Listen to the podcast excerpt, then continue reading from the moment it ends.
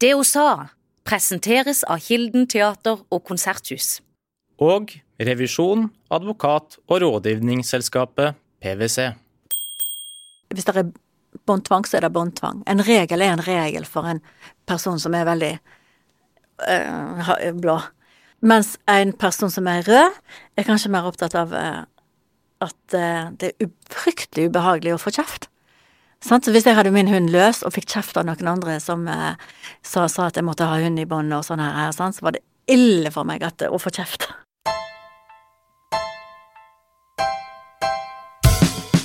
I denne episoden får du møte Nora Tormod Sæter. Hun er utdanna innen organisasjonspsykologi og ledelse, coaching og veiledning. Som partner og konsulent i bedrift- og personalpsykologi kommer hun tett på arbeidstakere både i det offentlige og private. Nora Tormod Sæter, velkommen til det hun sa. Tusen takk. En ting som jeg syns er litt spennende, det er dette med personlighetstester.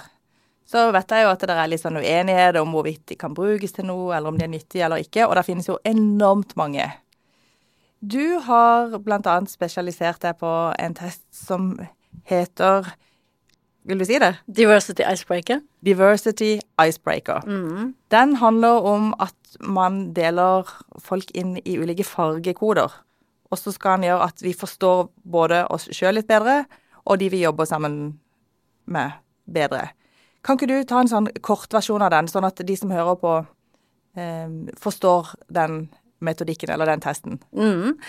Vi har flere tester som vi bruker, men den er den jeg liker best, fordi at den er så intuitiv, og han er så enkel. Vi får umiddelbart et verktøy som jeg kan bruke. Diversity Icebreaker er utvikla av en norsk mann som heter Bjørn Eklund, som driver et firma som heter Human eh, Factors. Den er oversatt til 19 språk. Den brukes worldwide. Det består av et enkelt spørreskjema som en fyller ut, og så får en en preferanse. En deler oss inn i tre forskjellige kategorier, og så har de fleste av oss en hovedpreferanse på én farge. Eh, og vi har jo gjort det med dere, så vi deler inn folk i grønne, blå og røde typer. Og det er ingen intelligenstest. Det er ikke ett svar som er bedre enn de andre. Eh, ingen score er bedre enn andre men vi har en preferanse på en av de fagene, de fleste av oss. Eh, men hvis du skal prøve å beskrive de hovedkategoriene, mm. disse fagene, kan du gjøre det? Ja. Eh, vi har noen typer som har en preferanse på det med at de er opptatt av fakta, handlingsorienterte. Eh, hvis de skal inn i en endringsprosess, så vil de gjerne vite nytten av endringen.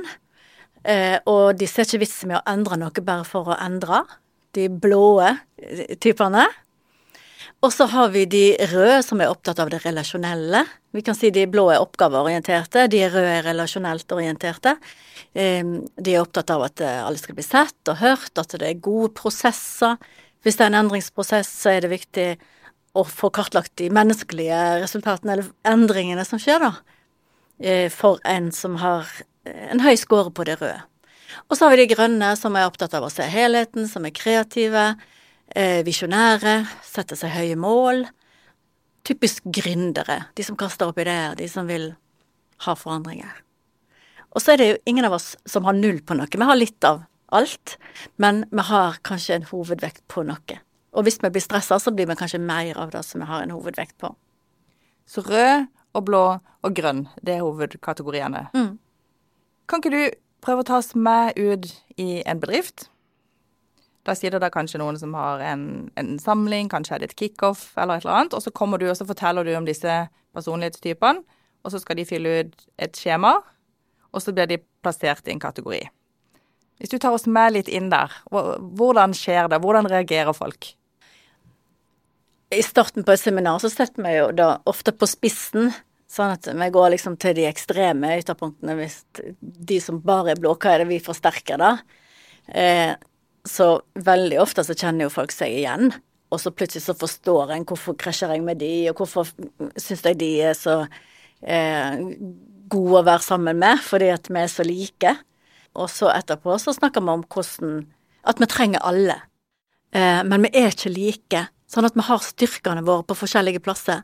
Og dess mer jeg vet om meg sjøl, dess bedre jeg kjenner meg sjøl, dess mer vet jeg eh, Ok, hvis jeg ikke er så god på ideer, sånn, så kanskje ligger jeg litt lavt akkurat der, eller hvis jeg eh, vet at jeg er opptatt av prosess, men vi har hatt kjempemasse prosesser, så må jeg kanskje tenke at det er mitt behov, det er ikke gruppa sitt behov.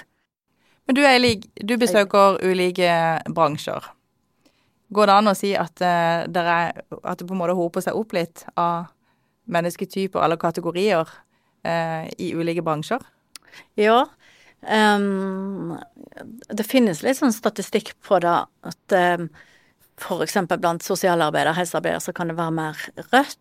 Jeg vil tro blant eh, ingeniører så kan det være både mye blått, men også mye grønt. Det kan være vanskelig å skille de, fordi at eh, en grønn kan òg være veldig detaljorientert. Å dykke ned i en problemstilling og lage et nytt system, f.eks. Men når systemet er ferdiglaga, så er det over å lage et nytt system. Mens en som er veldig høy på det blå, vil holde seg til det første. Altså når noe funker, så er det ikke det vits å forandre det.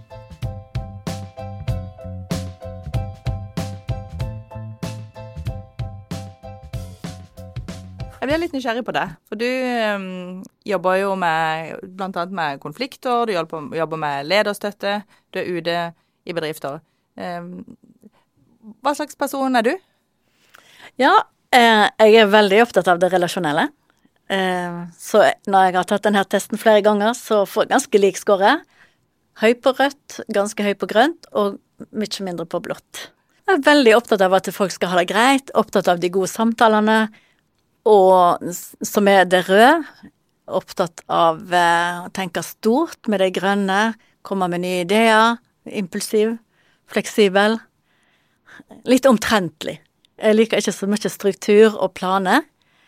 Eh, og mm, jeg fikk en liten aha-opplevelse. Jeg begynte, Min første utdannelse var innen økonomi. Og på den tida så hadde jeg ikke tenkt så mye hva jeg passa til. Det var liksom, Økonomi var kjekt å ta en utdanning i økonomi. Og jobber med å lage handlingsplaner og ja, litt rekruttering og litt sånn, men innenfor eh, personal, HE. Og trivdes ikke med det. Og visste ikke den gangen hvorfor det ikke passa, men det var altfor detaljert og altfor strukturert, og jeg jobber altfor mye alene. Så jeg liker å jobbe i team. Eh, ganske ekstrovert. Liker folk. Og det òg er en sånn forskjell at noen kan jo komme til et møte og ha ferdige løsninger på problemstillingen, mens andre kommer fram til løsningen gjennom kommunikasjon, gjennom dialog, gjennom samtale. Og jeg er mest på den siste. Vi trenger jo alle i vårt eget liv litt av alt. Sant? Når vi reflekterer over eget liv, når vi setter oss noen mål, er jeg på rett plass, gjør jeg de tingene som er bra for meg, så går vi jo til det grønne området vårt og reflekterer over livet. Eh, og alle har vi jo noe rødt. Hvis ungen min er sjuk, så blir jeg jo ikke helt sånn her eh, firkanta og bare slår opp i faktaboksen. Da vil jeg jo hente fram omsorgsgenet mitt. Og skal jeg til skattemyndighetene, så spør jeg ikke hva de føler om min selvangivelse. Da må jeg være litt konkret. Og her tenker jeg at vi toucher jo litt innom begrep som kanskje enda flere kjenner til, dette med å være introvert og ekstrovert. Kan du forklare det litt enkelt? Ja, så En ekstrovert henter energien gjennom å være sammen med andre mennesker. Eh, sant? Er en flat en dag, så kan et kafébesøk eller en telefon til en kompis eller noe sånn gi energi. En introvert satt på spissen henter kanskje mer energi med å være alene. Er det sånn der at det ene er litt bedre enn det andre? Absolutt ikke. Det er noe med å bli kjent hva, hva er jeg?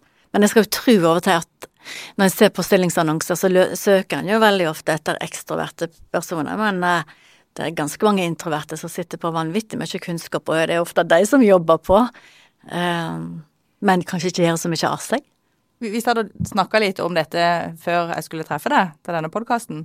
Eh, og da ble det sånn fort en diskusjon om hvem er det arbeidslivet egentlig passer best for. Hva tenker du om det? Jeg tror det er dumt å putte merkelapper bra, bedre enn og dårligere. Jeg tror det er vanskelig å sammenligne disse tingene, for vi er jo de vi er. Og hvis en jobber sammen over tid og blir kjent med hverandre og kan, eh, kan fange opp og tilpasse oss Ok, nå har ikke du sagt noe, er det fordi du ikke har noe å si, eller trenger du bli spurt om har du noen meninger på det her? Du er litt nysgjerrig på hva det er folk trenger hjelp til når de tar kontakt med en sånn fagperson som deg. Når du kommer til en arbeidsplass, så skal du gjerne hjelpe dem med noe. Hva er det de vil ha hjelp til? Eh, Det kan jo være, det kan være konfliktutfordringer som en står oppi, relasjonelle ting, eller veldig mange har mye stress. Så det kan være en kabal som ikke går opp i forhold til jobb og privatliv, eller det kan være en utfordring med en medarbeider, eller Men hvis du setter deg ned med en som åpenbart er stressa, som kanskje Ja. føler at eh, han eller hun ikke får gjort det de skal gjøre, fordi at det er så himla mange tanker i hodet på en gang, og det kan en jo kjenne seg igjen i av og til. Jeg syns ofte det er vanskeligst. Hvor, hvilken ende skal jeg begynne i? Kan du gi noen konkrete råd, da? Ja, først, hvis, den, hvis vi er stressa, så er det veldig lite smart å ta så mange beslutninger og planlegge så mye derfra.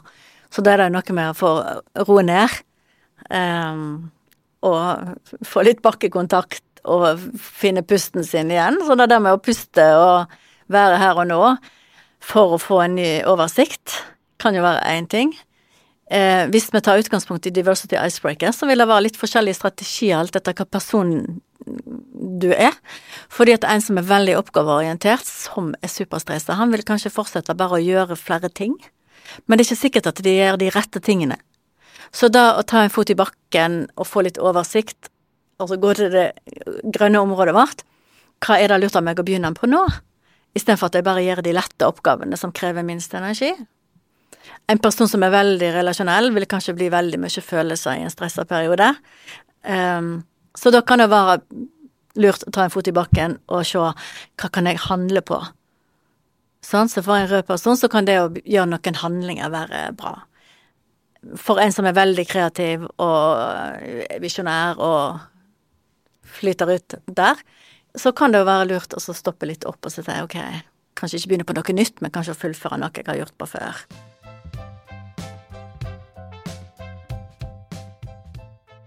Hvilke teknikker er det vi enkelt kan bruke for å håndtere det? Altså, jeg tenker Først så handler det om å oppdage at en er stressa. Og som jeg sa i stad, det her med pusten, kjempeviktig. Eh, at en kan roe ned systemet. For, for hjernen vår er sånn skrudd sammen at den skiller ikke mellom fantasi og virkelighet. Så hvis jeg tror at det er en fare på ferde, eh, så aktiverer systemet mitt som om jeg har en tiger i hælene. Så det der med å finne ut at ok, jeg er, jeg er trygg, jeg bor i Norge, jeg sitter her på stolen, sånn at jeg kan begynne å se hva er det, hvordan må jeg få systemet mitt i hakk igjen. Eh, For noen så kan det være å bli sosial igjen. Veldig mange slutter å være sosiale, for eksempel, eh, når en er stressa. Slutter å gå på kino, slutter å være med venner, jobbe altfor mye. Så vi slutter egentlig å gjøre de tingene som er bra for oss. Ja. Hvordan, er det en, hvordan håndterer vi stress på en god måte? Jeg tror det handler litt om mengden, for det er jo ikke farlig å stresse. Stress er jo bare en vi har, Altså, stress er en måte å produsere energi på. Eh, men så er det noe med at eh, vi trenger restitusjon også. Så hvis vi bare sørger for å få nok hvile og restitusjon, så er det overhodet ikke farlig å stresse. Men hvis vi aldri skrur av, og hjernen jobber i hundre både på dag og natt og fritid og alt, og vi glemmer oss sjøl hvis vi glemmer eh, gjøre ting som er gøy, hvis vi glemmer å lade batteriene, så går det utover helsa, og vi sliter på systemet vårt. Og da er det farlig. Jeg tror veldig mange sliter med stress. Vi får mer og mer stressproblematikk av, hos kundene våre som er stressa, og som har glemt seg sjøl. Altså, Det er mye krav på alle arenaer. Men er det det klassiske tidsklemmeproblematikken der man er stressa fordi man føler man ikke strekker til både på hjemmebane og på jobb? Er det den type stress? Ja, men det kan òg være at eh, det, så, det kan også være at det er gøy, alle de tingene vi gjør. Vi har det veldig gøy på jobben. Vi syns det er spennende. Eh, så veldig mange kan òg slite seg ut, ikke fordi at det er tidsklemmer, men fordi at en bare får ikke den variasjonen. Vi trenger å koble av. Hva gjør du sjøl når du er stressa? Eh, gå på tur. Det hjelper veldig. Puste, meditere hvis jeg får tid. Eller når jeg er skikkelig stressa, da tar jeg meg tid til det. Sørge for at jeg er sosial. Jeg har blitt ganske god på den balansen mellom jobb og fritid etter å ha blitt utbrent for lenge siden en gang. Og der skal jeg ikke tilbake. Så da må jeg bare sørge for den balansen.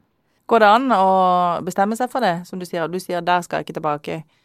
Jeg tror veldig mange, Min erfaring er at veldig mange vet òg hva som skal til for at de kommer i balanse. Men så er det noe med å kanskje si fra til en arbeidsgiver ok, nå trenger jeg eh, noen morgener, litt eh, Ta litt sene morgener for å få pusta litt. Så jeg skal ha motet til å ta den plassen òg. Men jeg tror jo at dess mer en veit om det, dess lettere blir det. Du treffer jo både arbeidsgivere Mm. og arbeidstakere. Opplever du at det er en aksept for å si akkurat det som du sa nå? Kan du gå til sjefen din og så si at vet du hva, akkurat nå er det litt mye, jeg trenger å ha noen rolige morgener, er det greit jeg kommer litt seinere en stund? Absolutt. Jeg tror clouet er å snakke om det. Når er det du går fra jobb og kjenner at yes, i dag fikk jeg virkelig til det jeg jobber med, i dag har jeg en god følelse, jeg hjalp noen, eller jeg fikk noen til å se noe på en annen måte.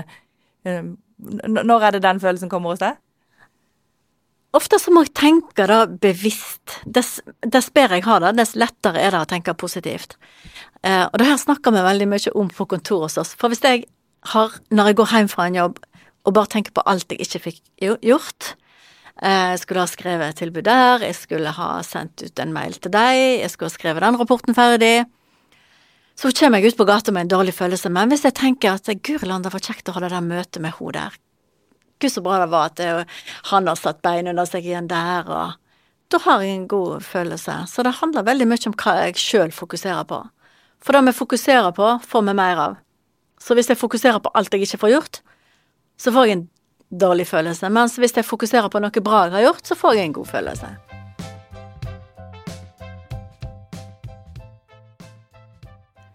Jeg har lyst til å svinge litt tilbake til dette med personlighetstester. Er det noe folk lyver om? Eller for å si det sånn, hva er det folk lyver mest om når de får disse testene? Hvor vil de ikke være? Altså, prøver folk å manipulere seg over i, i den blå kategorien? Nei, da, har, da, vet jeg heller ikke, jeg har ikke noe synspunkt på. Men at det kan være ulike kulturer hvor en verdsetter ulike ting. Jeg har jo opplevd, og i en barnehage jeg jobba med for mange år siden, så kom det veldig til tydelig Det var så stor forskjell på de ulike avdelingene. Eh, og det var vanskelig for noen på den ene avdelingen, de ville helst ikke være vikar på den andre avdelingen, og vice versa. Så gjorde vi denne testen, og da var den ene avdelingen veldig strukturert, og de fikk alltid ut foreldrebrevene i tide, de gjennomførte alltid planene sine. Uansett hvor dårlig bemanning, så gjennomførte de alltid planene sine. Mens på en annen avdeling så var det mer De var opptatt av det røde, de var opptatt av at eh, bli sett og hørt. Selvfølgelig var de opptatt av det på den andre avdelingen òg, men, men de hadde en annen kultur. Sant? Det var litt mer ustrukturert og litt mer rotete og litt sånn her her. Og de fikk en veldig hard opplevelse fordi det var så stor forskjell i kulturen. Så når de oppdaga det, så, tenkte, så, så begynte de å mikse litt fordi at eh, de tenkte vi trenger jo begge deler litt mer. Så de blå gikk litt ned på ryddigheten sin, og de andre ble litt mer strukturert og planmessige. Du, jeg lurer på om du kan gi meg noen eksempler som gjør at vi forstår enda mer hva som kjennetegner de ulike gruppene, de ulike fagene. Ja, for eksempel når du um, Hvis du sitter i en vennegjeng og skal, lag, skal på ferie, eller eller en familie skal på ferietur, så er det noen som med en gang vil sette seg ned på dataen og tenke ut eh, ok, vi bestiller flybilletter, og så sjekker vi hvor uh, hvordan tog korresponderer med hvilket fly, og hva valuta er det i landet, og bestiller hotellrom. Som går rett til de detaljene med en gang, sant, som vil være de blå. Og så har du de kanskje som tenker å, hvem skal vi reise sammen med? Og vi reiser sammen med Per og Lise, for de er jo så hyggelige, og ungene går jo så godt sammen. Sånn, så de vil gå til det relasjonelle aspektet med en gang. Og så har du de som bare tenker yes, så gøy med ferie, og tar det på sparket underveis, eh, som det problemene dukker opp, eller som møter fram på kaia. Yes, så gøy med tur, som er de grønne. Så veldig ofte så vil vi ha en sånn intuitiv hva er det viktigste for meg? Hvor hen går oppmerksomheten min? Og de tingene er ganske viktige å være litt bevisst på for at man ikke skal begynne å krangle, f.eks. Ja. Når man skal bestille denne ferieturen. For at man skal forstå hvorfor vi oppfører oss Ikke Really? sant? For en som er veldig dårlig på detaljer, det er veldig dumt hvis den skal bruke fryktelig masse tid på å bestille alle disse billettene når det er en annen person i teamet som gjør det så lett som bare det. Har du andre eksempler? Ja, jeg har gjort et lite studie sjøl i forhold til det her med fordi at de, de blå er jo veldig opptatt av å følge regler. Og jeg hadde en stund en hund. Og jeg tror det er sånn at altså hvis det er en blå person, sant Hvis det er båndtvang, så er det båndtvang. En regel er en regel for en person som er veldig øh, blå. Mens en person som er rød, er kanskje mer opptatt av øh, at øh, det er fryktelig ubehagelig å få kjeft. Så hvis jeg hadde min hund løs og fikk kjeft av noen andre som eh, sa, at jeg måtte ha hund i bånd og sånn her, så var det ille for meg at, å få kjeft. det var så pinlig. Sant? Og så har du kanskje en som er grønn, hvis jeg setter det på spissene, som tenker at ja, men min hund er jo så snill, den kommer ikke til å hoppe opp på noen andre, og den spiser ikke noen dyr fordi at nå er jo sesongen over, eller min er jo så liten at den Sånn, som han lager sine egne regler litt, da. Der kan jeg kjenne meg veldig godt igjen, faktisk. Okay. Jeg har hund, eh, og jeg følger reglene. Men det jeg hadde syntes var mest ubehagelig, det var hvis, eh, hvis jeg hadde fått kjeft av noen. Ja. Jeg faktisk en gang, Selv om det, det var ikke båndtvang, og jeg gikk et sted det var lov å slippe hunden, men eh, jeg hadde en følelse at hun ikke ville komme inn akkurat da, så jeg gjemte jeg gjemte båndet, og så så jeg en annen vei, sånn at ikke de skulle vite at det var min hund. Og det var ikke noe sånn at hun skremte noen eller løp bort til noen, eller noe sånt, men jeg var bare, jeg hadde ikke lyst til å ha kjeft. Jeg syntes det var så utrolig ubehagelig hvis de skulle synes at jeg var ubetenksom eller ja. noe sånt. Ikke sant? så jeg kjenner veldig godt igjen det, så jeg har nok mye i det røde, altså. Ja. ja. Og ubehagelig hvis andre skulle bli redd. At jeg har forårsaka at andre blir redd ja. fordi at jeg har ikke fulgt reglene. Men hva, hva, gjorde du, da?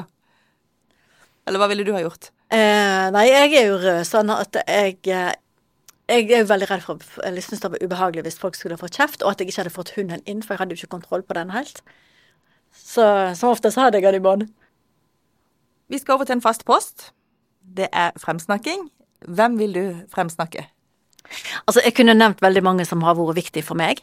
Eh, og ikke minst Anne Irén, som er min kollega. Men jeg vil nevne Aud Sunde Smemo, som jeg tror betyr veldig mye for mange i landsdelen vår, og som jeg håper vi hører enda mer til, fordi jeg syns hun er så klok, jeg syns hun er så modig, og hun bruker talerstol, hun bruker det offentlige rom til å få fram viktige meninger. Så hun har jeg eh, lyst til å framsnakke. Og for de som ikke vet hvor Aud Sundes Memo hører hjemme jobbmessig, så kan du si det? Ja, hun er domprost i domkirka. Hun er også en som er blitt foreslått som gjest til det hun sa, så det kan godt hende at hun dukker opp ja. bak mikrofonen snart. Ja. Hun har klokt og mye å by på. Du, er det et ord eller uttrykk som du har lyst til at vi skal kvitte oss med? Jeg måtte tenke litt på den der, men eh, sparetiltak syns jeg Det er du lei av? Et forferdelig ord, ja. Sparetiltak og eh, Jeg skjønner jo at veldig ofte så blir det innstramminger, og at vi må eh, gjøre ting litt annerledes, men eh, hvis en heller hadde tenkt hvordan kan vi jobbe smartere for å få mer ut av de pengene vi har, eller hvis en kunne tenkt hva er viktig for oss nå når vi må kutte ut noe, hvordan kan vi hva kan vi ha fokus på for at vi skal brette opp armene sammen? Det er så demotiverende å høre om sparing og at vi har dårlig råd. Da kvitter vi oss med sparetiltak. Ja. Nora Tormodsæter, hva, hva brenner du spesielt for på jobben din? Jeg brenner veldig for kårene til mellomledere. Det er så mange dyktige mellomledere, både kvinner og menn, som har massevis av krav fra toppledelsen sin, og de har massevis av forventninger fra de ansatte, og de drukner i administrasjon, så de har egentlig ikke tid til å lede. Eh, og det er mange folk som trenger bare litt klapp på skulderen, eller at de trenger å bli leder. Og så er det så Ja, den her skvisen, der tror jeg mange mellomledere mister seg sjøl. Så de brenner jeg for skulle ha fått eh, gode vilkår til å takle den jobben. Hvordan kan man som toppleder ta godt vare på mellomlederen? Ja, kanskje de kan hjelpe de til å prioritere litt. Kanskje det er noen som eh, kan senke litt på krava i forhold til alt det som finnes administrasjon. Kunne de fått hjelp til alt det som går på administrasjon, sånn at en kunne få lede mer? For mange blir jo ledere og mellomledere fordi at de har lyst til å lede. Og hvis du skal gi rådene direkte til de som er mellomledere, hva kan de sjøl gjøre for å få en bedre hverdag? få deg noen støttespillere som kan, eh, sånn at kan hjelpe deg til å ha fokus på hva som fungerer, på alt det du får gjort. Hjelp til å prioritere, sånn at du kan legge lista ned på de tingene som du kanskje må gjøre, men kanskje du kan sjekke kvaliteten. Kan jeg gå ned på noe av kvaliteten? Slik at uh, du får tid til å lede. Jeg tror, jeg syns folk fortjener en god leder, og da må det folk, lederne ha tid til dem. Kan vi si at dette på en måte blir en litt sånn fremsnakk av alle gode mellomledere Ja. og det som gjerne vil? Ja, veldig bra. Nora Tormodsæter, jeg har lyst til å si tusen takk for at du kom til, til det hun sa. Takk for at jeg fikk komme. Du har hørt på Det hun sa av Federlandsvennen. Følg oss på Instagram og meld deg inn i Facebook-gruppen vår. Der kan du foreslå en gjest du har lyst til å høre i neste episode.